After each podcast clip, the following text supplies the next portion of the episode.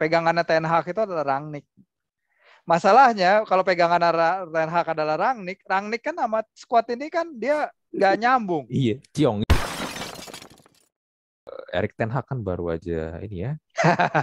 nah, ini gimana nih menurut lo nih? MU apakah akan baik? Lo MU nggak sih? Enggak sih gua.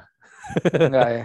Bagus lah lu sering lihat gue kalau MU lagi iya. lama kan gue sering bikin IG story iya. kan. lu tapi kadang fans MU sendiri kalau MU lagi ngelawak mereka juga hmm. upload gitu udah segitu pasrahnya mereka. Iya memang sih memang segitu pasrahnya. Tapi gini bro, Erik Ten Hag nih, uh, ya. dia di Ajax keren lah. Gue akuin Ajax pun mainnya jadi lebih ya. jadi ini ya, jadi lebih keren ketika dia pegang.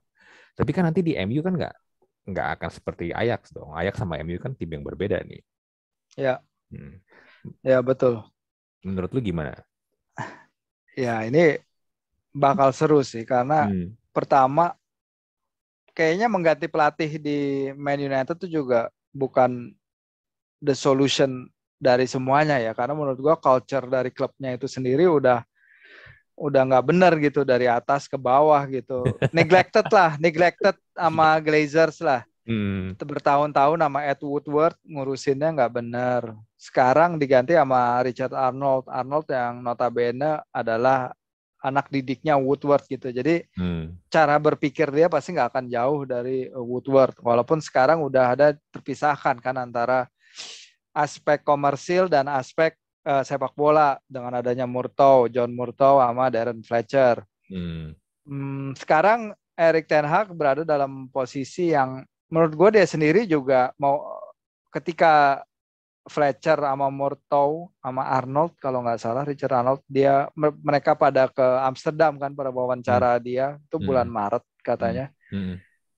ya malah mereka malah dapat feedback lebih banyak dari Ten Hag kan katanya soal klub ya hmm. wajar hmm. ya Fletcher baru hmm. Arnold baru Murtow baru di posisi mereka di klub itu hmm. Hmm. hmm ya lu kalau diwawancara kan pasti lu kayak wawancara lu juga sekalian melihat prospek employer lu kan dari yeah, itu kan yeah. sambil hmm, ya, ini bagus gak sih buat gua gini-gini hmm, ya hmm. Erik Ten Hag katanya dia terang belak-belakan lah di sesi itu nah kedua adalah dari sisi ruang ganti hmm. karena ruang gantinya Man United kan sejak Februari lalu udah dibilang mereka tuh pinginnya Pochettino jadi uh, ini kan ada banyak leak nih ya. Sekarang kan ruang gantinya Man United bocor banget tuh berita keluar dari ruang ganti banyak sering banget. Hmm. Mereka itu mayoritas pinginnya Pochettino, nggak ngerti alasannya apa nggak dijelaskan. Hmm. Tapi uh, manajemen juga awalnya pingin Pochettino, tapi si Rangnick pinginnya Ten Hag gitu. Hmm. Jadi Rangnick ini pegangannya Ten Hag itu adalah Rangnick. Masalahnya kalau pegangan Ten Hag adalah Rangnick, Rangnick kan sama squad ini kan dia nggak nyambung. iya, ciong itu. Dia, iya, dia sama Lingard sama Martial udah dua kali dia salah ngomong depan publik kan. Jadi depan hmm. publik Rangnick ngomong apa, habis itu dibantah sama Lingard sama Martial. Hmm. Ronaldo berapa kali diganti sama dia uh, marah-marah. Hmm. Terus uh, Greenwood ya Greenwood walaupun itu isunya dia tapi kan terjadi di bawah the watchful eye of si pelatih ini kan hmm. pelatih Rangnick kan hmm. jadi uh, belum lagi ya kita lihat uh, reaksi pemain-pemain yang awalnya tuh kayaknya ngikutin dia high pressing ketat jaganya tapi sekarang ya kayak Norwich lama Norwich kemarin Rangnick dia bilang dia menyindir timnya dia menyindir dia bilang timnya cuman Man United yang bisa kebobolan kayak gini gitu. Dia bilang Man United kurang fisikal di beberapa aspek. Kan itu dalam hmm. secara nggak langsung dia bilang pemainnya nggak cukup menghabiskan waktu lebih lama di gym, melatih hmm. kebugaran, hmm. melatih fisik mereka. Nah kalau pegangan Ten Hag itu si Rangnick yang nanti akan jadi konsultan selama dua tahun ke depan, menurut gue ya rada bahaya juga buat posisi Ten Hag. Apalagi pelatih-pelatih Belanda kan terkenal yeah. dingin, Hmm. dingin terhadap para pemainnya. Kuman di Everton dibilang dingin, begitupun di Barcelona dia dibilang too cold orangnya, nggak nggak nggak bisa merangkul. Frank de Boer juga kayak gitu di Crystal Palace hancur-hancuran. Hmm. Jadi ya kalau Ten Hag emang dia mau proyeknya untuk sukses, ya pertama dia beruntung pemain kayak Lingard, pemain kayak Pogba gitu habis kontrak itu akan cabut. Dan kemudian dia bilang, tapi habis itu dia bilang dia nggak pingin ada Ronaldo. Nah, ini kan aneh. Sementara Ronaldo itu kabar adalah lem yang menyatukan ruang ganti Man United sekarang gitu. Jadi hmm. posisi kapten emang Maguire, karena Maguire nggak mau lepas jabatan kapten kan ngehe juga tuh orang satu tuh. iya. Bangke dia. Bangke kemarin dia. dia kemarin tuh lawak banget gila yang dia nendang lawak yang kaki kan. iya. Itu parah sih. Dia dia udah jadi meme sekarang cuy. Dia udah jadi meme. Mm -hmm. Iya. Iya. Kalau emang po, uh, Ten Hag mau datengin pemain-pemainnya sendiri, ya at least harus mulai dari pemain kayak Van de Beek, yeah. atau pemain-pemain. Ajax bawaan dia gitu. Tapi ya kita hmm. lihat kan nggak semua pemain Belanda yang datang ke Inggris kan langsung bisa sukses. Betul. Van Nistelrooy adalah ya itu uh, ano, ano, eh, anoma, itu anomali, anomali lah, ya. lah iya kan banyak yang juga yang nggak hmm. berhasil jadi hmm, hmm. Uh, menurut gue emang Ten Hag banyak PR-nya dan pertama dia harus nyari ally dulu dia harus nyari sekutu-sekutu dulu baik di ruang ganti atau di manajemen atas gitu karena uh, pada akhirnya yang mengunci posisi dia sebagai manajer itu adalah Joel Glazer dan uh, Richard Arnold. Glazer, hmm. Joel itu dimusuhin semua fans kan dia hampir nggak pernah muncul di Old Trafford. Hmm. Jadi pegangan dia adalah Arnold dan juga si uh, Rangnick ini. Nah Rangnick kita tadi udah bicarakan bahwa dia nggak punya hubungan baik dengan timnya. Jadi pegangan dia cuma Arnold, Arnold which hmm. is yang orang baru menduduki posisi itu. Jadi eh belum lagi ngomongin media ya, belum lagi ngomongin bagaimana uh, dia harus bisa merangkul media Inggris, warm terhadap media Inggris kalau ingin uh, diterima dengan baik dan nggak nggak setiap kekalahan ditulis hmm. kayak ini adalah akhir dari hmm. masa jabatan ya kan sadis-sadis tuh media sana. Iya. zaman zaman oleh aja, iya, iya.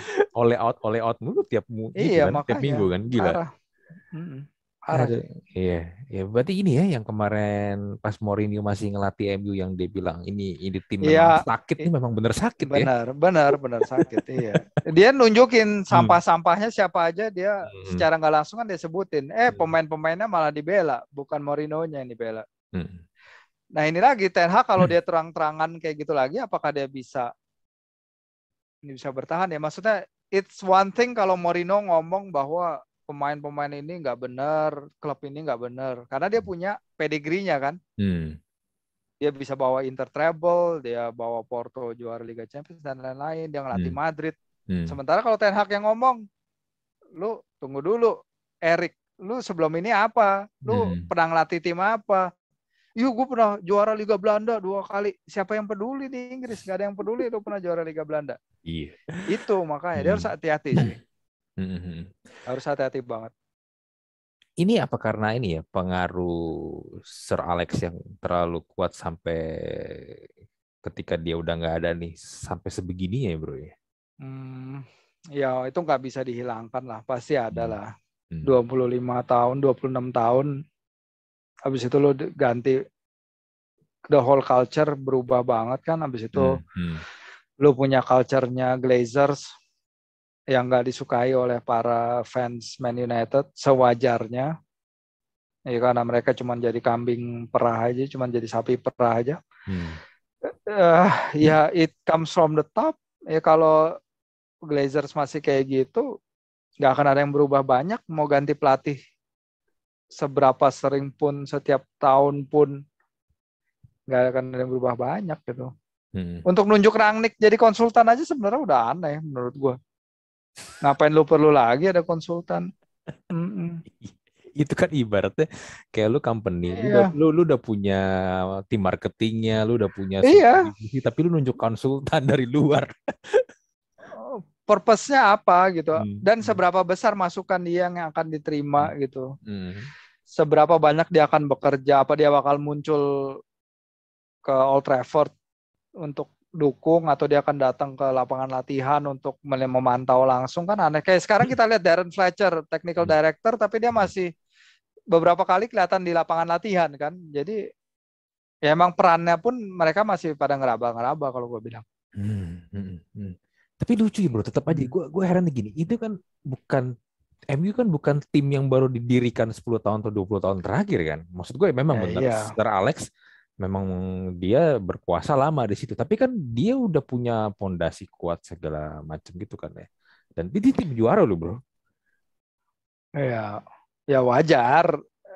Uh, rise and fall of great empire saja pasti kan hidup seperti roda. Ya Barcelona, lu kira fondasinya gimana? Nggak kuat dulu mereka punya Tiki Taka, punya Xavi, Iniesta dan lain-lain. Ya kalau manajemennya bobrok sama aja. Bartomeu datang langsung ngacoin finansial klub langsung ngacoin semuanya. Messi deal dia hancurin. Mhm. Cuman perlu satu dua orang bodoh aja untuk merusak legacy seorang yang hebat sebelumnya gitu. Iya. Iya berarti memang ini sebenarnya faktor salah pilih orang aja kan nih. Iya salah pilih pemilik, salah pemilik lah yang salah lah. Iya. Man United duitnya banyak, cuman mereka salah beli orang aja kan, salah beli orang, salah nunjuk orang. Hmm, iya. Itu bro. Iya iya iya iya. Ya inilah ya. Kalau misalnya masih kayak gini, kita berarti musim depan masih akan tetap dapat lawakan tiap minggu ya. Hmm, kalau gue bilang masih sih, karena apa yang Ten Hag hmm. minta mungkin nggak akan bisa langsung diaplikasikan dalam waktu hmm. satu musim ya. Apalagi dia akan punya banyak pemain baru sih. Hmm. Ya selama masih ada Maguire kita aman lah bro. Tuh orang kan nggak pernah cedera. Tuh orang kan stok, stok meme akan banyak lah ya. Strong banget, iya strong banget dia. Hampir nggak pernah absen cuy. aman aman. Yang kemarin tuh lucu tuh ini yang de apa yang meme De Gea diwawancara siapa lawan? Iya, uh, Harry. Harry. Iya. Harry. Harry. Do you mean Harry, Harry Kane? No, Harry Maguire. Maguire itu ngakak sih abang sih kocak sih itu iya. kocak banget iya iya MU MU di musim ini kalau nggak ada De Gea tuh abis loh bener loh iya abis bener kan siapa yang bilang ya selain hmm.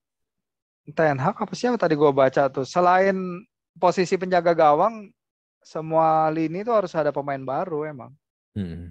Ya, tapi inilah ya eh, penderitaan Man United ya, ya itulah suka cita ya, buat gue Iya suka cita kita, kita nikmatin aja selama mereka masih kayak gitu bro. Hmm. Oke, gitu. oke lah bro, thank you ngobrol-ngobrol ya, bro. Kita close untuk episode kali ini. Gua Andri dan Virsi Idris Mon pamit kita jumpa lagi di Talk to Talk Podcast episode berikutnya. Bye.